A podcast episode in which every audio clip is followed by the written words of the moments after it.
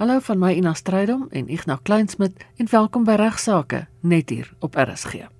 Nou eerstens vanoggend lees Ignas voor uit Gustaf Pinaar se Regsalmanak en dit handel oor twee mans wat aanspraak gemaak het op vaderskap.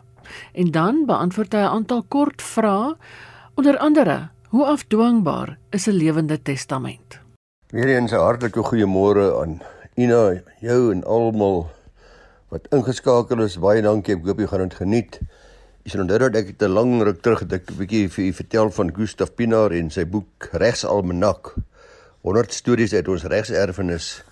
En ek wil afskop deur weer 'n bietjie vir u 'n stukkie daaruit voor te lees van 'n 100 kostelike stukkies wat u by Protea Boekhuis nog kan bestel. Ek het ook 'n ander boek van hom raakgeloop onlangs in die boekwinkel Bekkie se ding met die volstruis en ander stories. En dit het my weer laat gaan soek na hierdie boekie van hom met die naam Regsalmanak 100 stories. Nou Gustaf is 'n regsgeleerde, hy's 'n kollega. Hy was ook op 'n stadium 'n radio-omroeper gewees by die destydse SAIK en daarna het hy uh, sy loopbaan as regspraktisyn voorgesit waar hy nou by sover ek weet nog steeds sy tyd lekker verwyl daar by Vleesbaai, maar hy skryf sekere mevrou L is in Desember 78 getroud. Kort daarna op 6de Januarie 79 het sy geboorte aan 'n gesonde seun geskenk en uh dat daar 9 maande van tevore in die herfs van 78 ligte mistytjie in mevrou L se liefdeslewe was, blyk uit die hofuitspraak van 1990. Al hierdie stories in die boek Gustaf Pinares Almanak is pragtige stories uit ons regserfenis. Hierdie is een van 'n hofuitspraak van 1990 nou. Ongeveer 'n dekade na die geboorte van die seun, het 'n sekere meneer D besluit om die Hooggeregshof van Johannesburg te nader vir 'n verklaring en bevel dat hy die vader van die kind is. Dat hy geregtig is op redelike toegang tot sy seun. Voordat hy egter natuurlik uh, so 'n verklaring en bevel kon aanvra, moes daar eers deur die kurator deur die hof aangewys word om die kind se belange te behartig sogenaamde kurator ad litem praat ons van. 'n Mens kan jou immers voorstel watter effek so bevel op hierdie klein ding se lewe genê wat nou al 10 jaar oud is, nê. Uh en hierdie saak toe nou voor regter Harms beland. En nou lees ek uit die boekie, hy sê die regter het nog 'n interessante probleem gehad waarmee hy moes worstel. Aan die een kant was daar meneer D wat aangevoer het dat dit hy was wat vroeg in 1978 by mevrou L gekuier het, kom ons sê maar geslaap het soos in kuier. Hy kon na meneer L gesê. Uh mevrou L, meneer L gesê, dis nou die die die vrou van van van, die dame wat die geboorte geskenk het. Hy was die ou wat in 1978 by mevrou L gekuier het, soos in kuier, lekker kuier, geslaap het. Daarom is hy die vader van die kind wat op 6 Januarie 79 gebore is. So twee paas beweer albei hulle het min of meer dieselfde tyd daar gekuier gesleep vas uitgegaan wat ek nog oor mis mag noem. En buitendien belangrik vir meneer L hy was op daardie stadium was hy getroud met mevrou L. Nou ja steeds verkeerd het mevrou L gesê dit was nie of meneer D of meneer L wat by haar gekuier het nie. Albei het het in april by haar gekuier soos in kuier soos hy erken dit. Daar blyklik was hy indertyd in 'n intieme verhouding betrokke by albei mans en net met een van hulle getroud Nou hierdie feite stel is baie interessant en wat dit interessant maak is dat 'n hof gewoonlik in vaderskapsaake met 'n onwillige pa te maak het. Want vaderskap beteken in ons reg onderhoud en onderhoud beteken onsienlike geldelike verpligtinge vir baie jare. So gewoonlik in my ervaring en seker Gustaf en al die ander prokureurs se ervaring, advokate se ervaring ontken die man dus dat hy by die vrou gekuier het. Dan moet die hof nou uh, die taak uitvoer om te bepaal waar die waarheid lê. Maar in hierdie saak was daar nou twee ouens, twee mans wat albei teenstrydige aansprake gehad het. Meneer D sê hy is die pa van die kind terwyl die, die meneer L aanvoer hy is eintlik die pa van die kind. En dan is daar nog mevrou L wat gesê het enige een van hierdie twee mense, enige kan kan die pa wees, sy weet regtig nie. Nou deesdae word dispute van hierdie aard betreklik maklik deur die DNS toetse opgelos op voorwaarde dat al die betrokke partye hulle samewerking verleen. Maar DNS het in hierdie saak nie ter sprake gekom nie. Miskien was die twee mans bang dat hulle sulke toets jy sou bewys dat een van hulle nie die pa van die kind is nie, hulle dis nie die DNA roete gevolg nie. Klaar blyklik hierdie twee mans se prokureurs en advokate hulle hoop gefestig op twee teenstrydige regsvermoedens wat ons uit ons gemeenereg geërf het. Baie belangrike vermoedens. Een vermoede word in 'n Latynse spreek vervat: Pater est quem nuptiae demonstrant. Dit beteken dat die pa van 'n kind deur die huwelik aangewys word. Aan die ander wyse as ek met die vrou getroud is tydens die geboorte van die kind, dan is daar 'n vermoede dat ek die pa is. Hierdie vermoede kan natuurlik deur getuienis weer lê word en daar's uh, baie goeie voorbeelde daarvan. Die ander vermoede is dat indien 'n vrou swanger is of reeds aan 'n kind geboorte geskenk het en 'n man erken dat hy met haar gemeenskap gehad het en dat sodanig erkenning boonop klop met die 9 maande tydperk uh by die spesies Homo sapiens dan vermoed die reg dat daai man die vader van die kind is. Maar weer eens ook hierdie vermoede kan natuurlik deur getuienis weer lê word. Nou moet wat moet arme regter Harms nou doen? Hy het dus te maak met twee teenstrydige vermoedens. Aan die een kant die vermoede dat meneer L die vader van die kind was en hy was immers getroud tydens die geboorte met mevrou L. Aan die ander kant was daar die vermoede dat meneer D die vader van die kind was want hy het erken dat hy 9 maande voor die kind se geboorte by mevrou L in aanhalingstekens gekuier het. Boonop het mevrou L ook erken dat hierdie besoeke wel plaasgevind het en dat sy lekker gekuier het met albei hierdie mans. Die regter Harms het 'n ou appel of uitspraak van 1935 nader getrek en bevind dat die hof in daardie geval beslis het dat die ma die reg het om te kies wie van twee potensiële vaders die vader van haar kind is. Dis die ou saak van McDonald versus Stander in 1935 appel of saak. McDonald versus Stander. Regter Harms het beslis dat die regsposisie miskien anders kan wees as die belange van die kind dit vereis, maar in hierdie saak was dit nie ter sprake nie. As mevrou L eenmaal haar keuse uitgeoefen het, dan sou dit onherroepelik in finaal wees. So 'n keuse uitoefening sou dan tot gevolg hê dat of meneer L of meneer D se verpligting om die kind te onderhou uitgewis word, maar daarmee saam sou ook die verloorde se reg van toegang tot die kind uitgewis word. Einde van die saak. Uh, en dis ook gesê in 'n saak van D versus L en ander. So mevrou Elle het uiteindelik die man met wie sy getroud was as die pa van haar kind gekies. Dit was klaar blyklik ook in die beste belang van die kind. Die ander ou moes maar die afdog blaas en boonop moes sy mevrou L en haar man se regskoste betaal. Dankie vir 'n mooi storie aan Gustaf Pinaar. Vervolgens luisteraars 'n paar kort vragies wat ek uh, gekry het wat interessant is van luisteraars. Die eerste ene kom van uh, Pieter van Kaapstad. Hy sê ook soos baie van u baie dankie vir 'n baie interessante program en vir alles wat hy leer. Dan sê hy die gedrag van 'n denkbeeldige persoon word geleidelik al hoe meer irrasioneel, dis die woord wat hy gebruik. Met die tyd verloor hierdie persoon dalk beheer oor sy of haar persoonlike sake en word eintlik 'n las vir ander mense. Want die gedrag is al hoe meer irrasioneel. Die bank weier om nuwe instruksies van die persoon te aanvaar wat dan weer probleme veroorsaak. Die dokter skryf medisyne voor vir 'n geestesafwyking maar die persoon weier om dit te neem. Familie en vriende spreek kommer uit, maar die dokter beweer en sy nie persoon 'n gevaar verander word, sal volgens die reg niks verder wat gedoen kan word nie. Nou uh die dokter is in 'n sekere sin korrek, Pieter en ook verkeerd.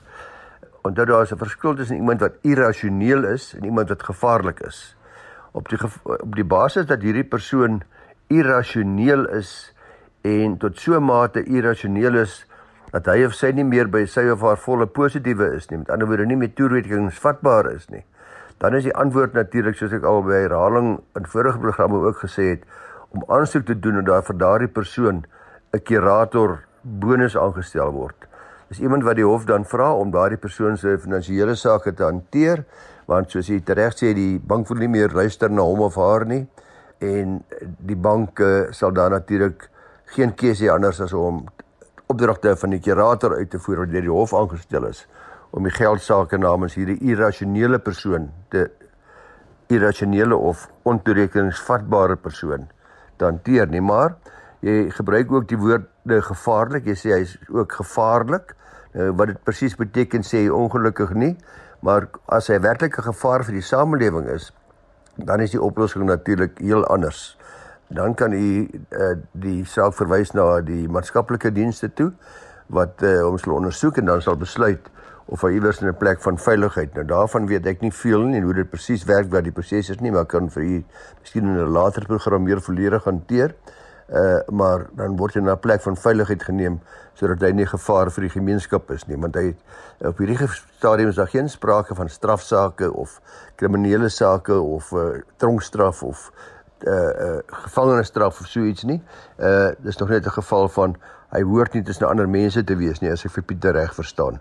So ek hoop Pieter een van hierdie twee oplossings sal vir julle uh, vrede gee wat betref die opdrag of die optrede van hierdie persoon. Dan kry ek ook 'n briefie van uh, uh ja, Sadel Boysen. Sy is 'n uh, sy vra baie eenvoudige vrae. Sy wil weet hoe afdwingbaar is 'n lewende testament? Nou uh, Adel, ek het al reeds baie maal hieroor gesels, so ek gaan net baie baie kortliks weer eens sê dat 'n lewende testament het geen geen hoegenaamd geen bindende regskrag nie. So die familie of die dokter wat betrokke is by die persoon wat nou baie siek is aan 'n lewende testament wel aangegaan het, uh, is nie gebonde aan daardie lewende testament nie. Maar die krag, myns insiens, die ware krag van 'n lewende testament is daarin geleer dat dit baie oorredingskrag dra uh in gevalle waar iemand so siek is dat uh almal wonder of dit nie maar beter is dat hy of sy uh nie meer gekoppel moet word aan die lewensgewende masjinerie of toestelle nie.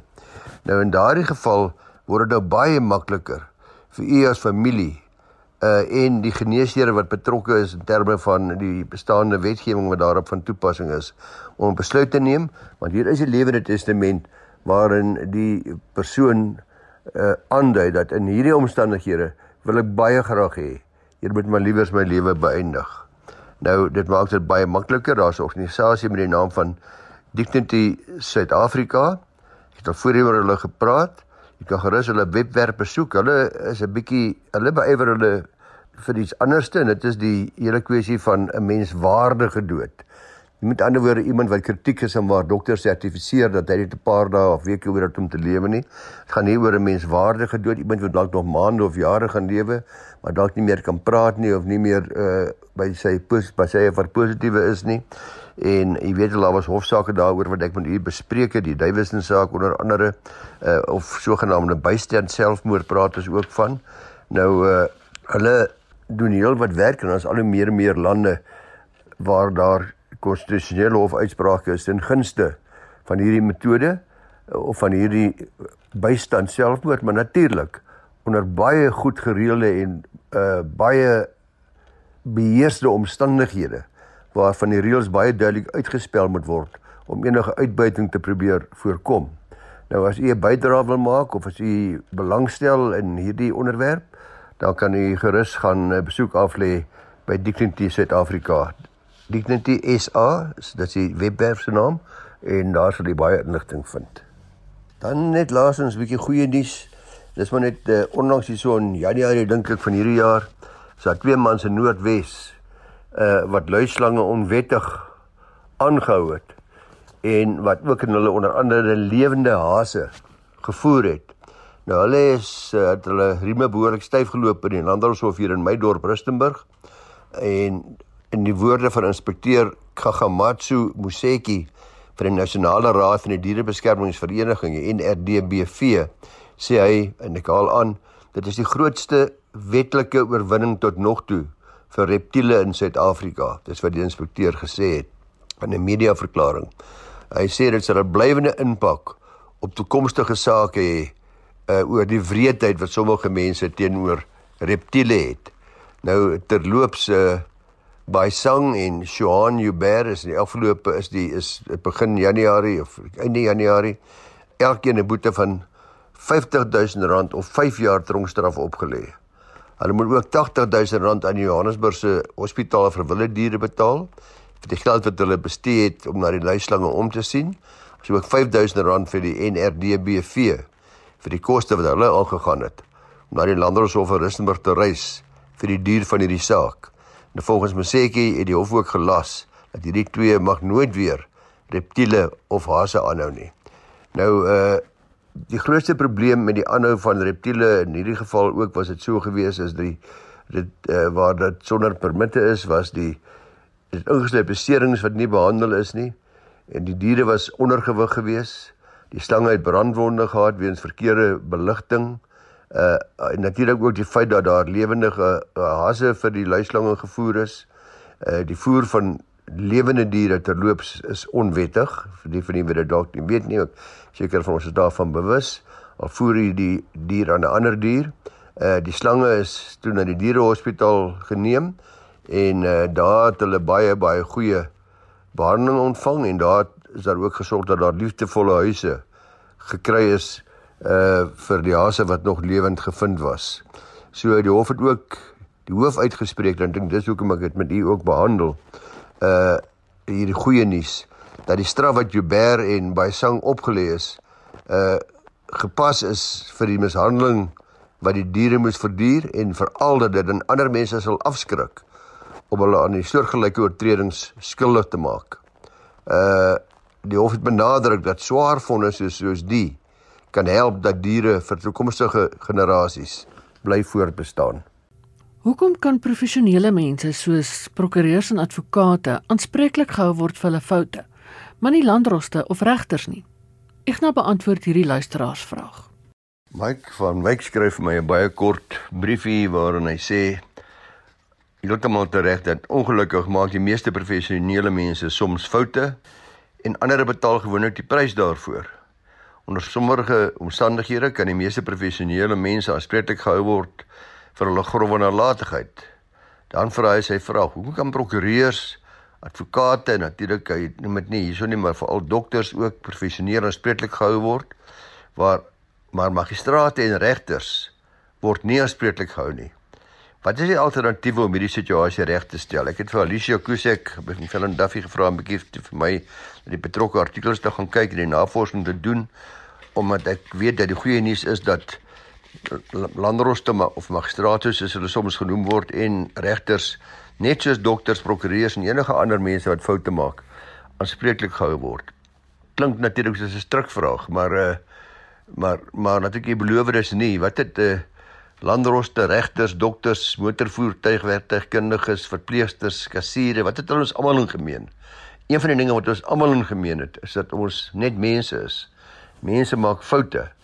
En in die geval van regters en landroste kan persone wel sê dat hulle soms onseker gelaat voel of twyfel uh of uh, daardie mense ook aanspreeklik is en by wie mense moet gaan kla indien hulle hulle self wel wangedra of verkeerde dinge doen wat ander mense normaalweg aangespreek voor sou word.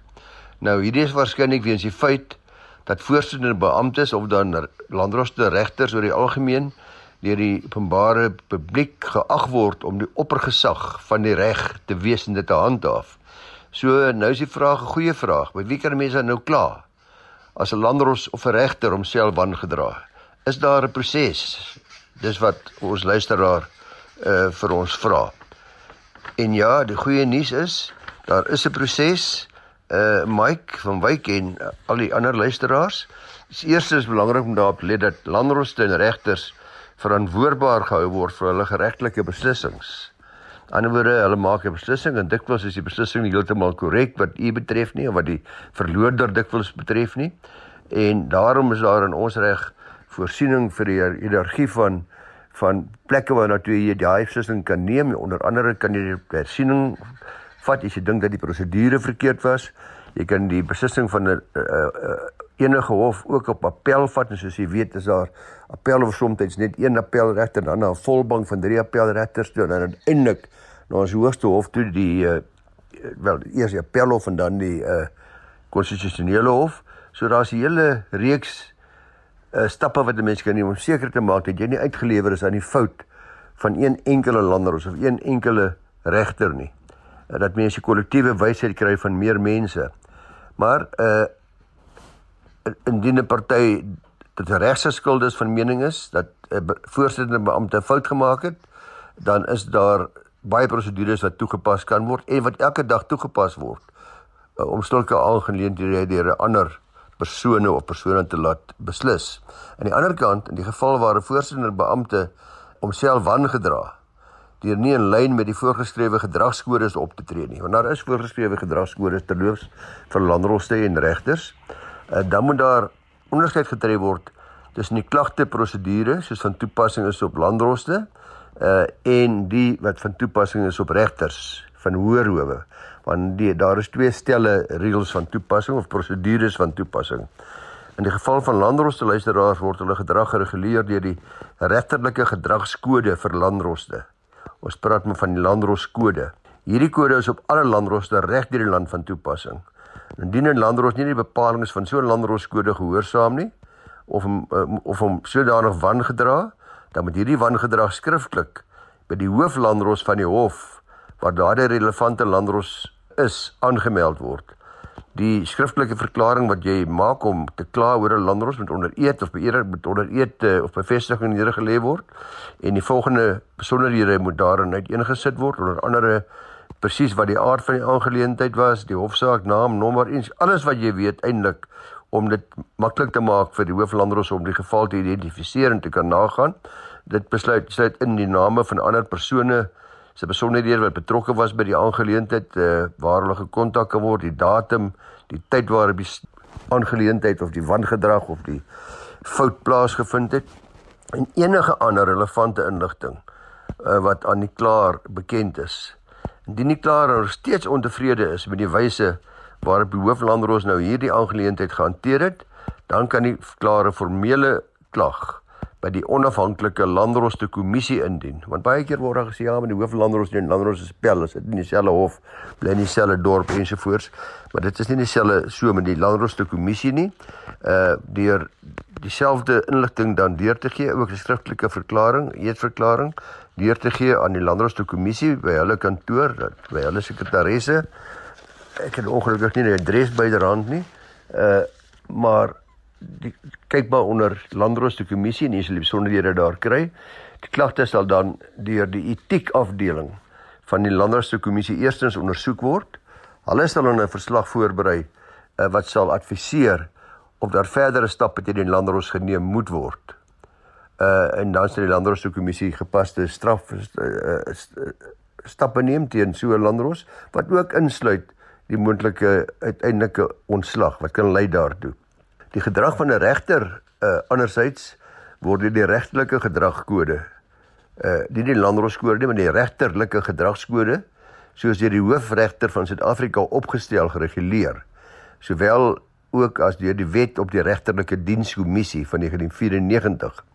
Nou waar regters van hoër howe nie aan die bepalinge hierin voldoen nie, dan kan klagtes rakende die regter se gedrag na hierdie regterlike dienskommissie verwys word uh die vorm van hierdie klagtes is identies.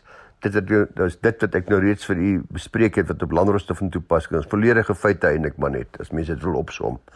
As voorsteur van die uh, uh regterlike dienskommissie is die hoofregter van Suid-Afrika dan aanspreeklik om hierdie klagtes eerstens te oorweeg. Op hierdie stadium by ontvangs daarvan sal die hoofregters hierdie klagtes in 3 kategorieë verdeel. Minder ernstige klagtes, ernstige klagtes en dan vervolgbare klagtes. Minder ernstige klagtes sal die hoofregter self waar hy in die hoof staan van Suid-Afrika se regbank uh en sal hy self dan gaan kyk na wat die klagte is en met die hoof praat van die hof waar die relevante regter is. Uh die hoof van daardie hof kan dan besluit of hierdie klagte verdere ondersoek regverdig of vereis want dit is 'n minder ernstige klagte en of die aangeleentheid se muur van die hand gewys kan word of net met gesprek ensovoorts afgehandel kan word. Ernstige klagtes is nou die die die, die uh, nie die nog nie die vervolgbare klagtes nie. Ernstige klagtes word vir 'n feite ondersoek deur die regtelike dienskommissie uh, verwys. Die doel van hierdie ondersoek is dan om te bepaal of daar enige meriete is uh, vir hierdie aanklagte. Die gevolg van so ondersoek kan enerzijds wees dat die saak uh, van die hand gewys word deur die RD wat daarna gaan kyk het of andersins dat een of ander sanksie of straf teen hierdie regter opgelê word.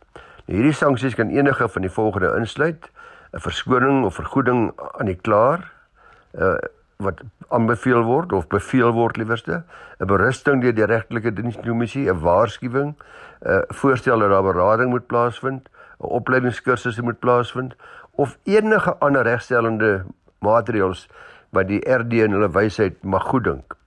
Dit sluit wel nie in uh die ontslag van 'n regter in nie.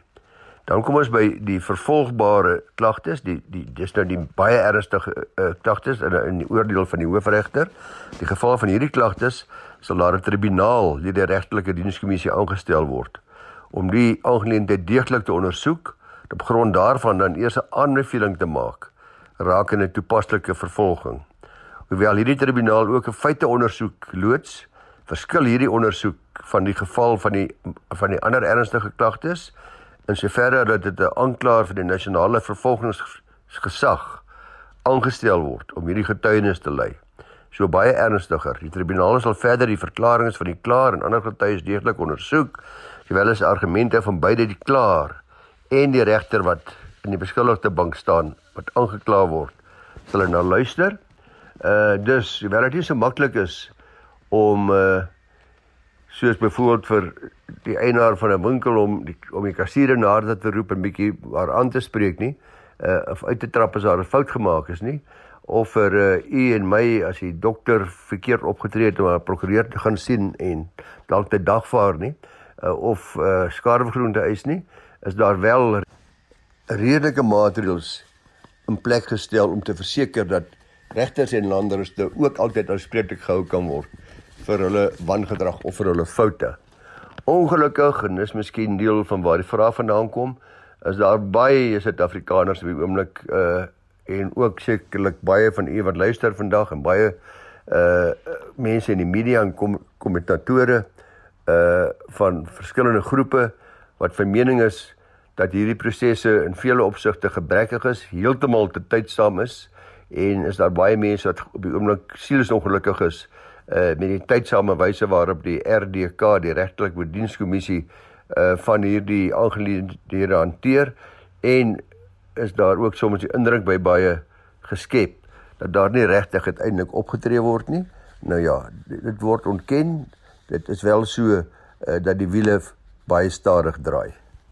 daarmee baie goeie dag vir almal en probeer maar om regters, advokate en dierhowe te vermy. Groeters. En ook van my kant af, groete tot volgende week.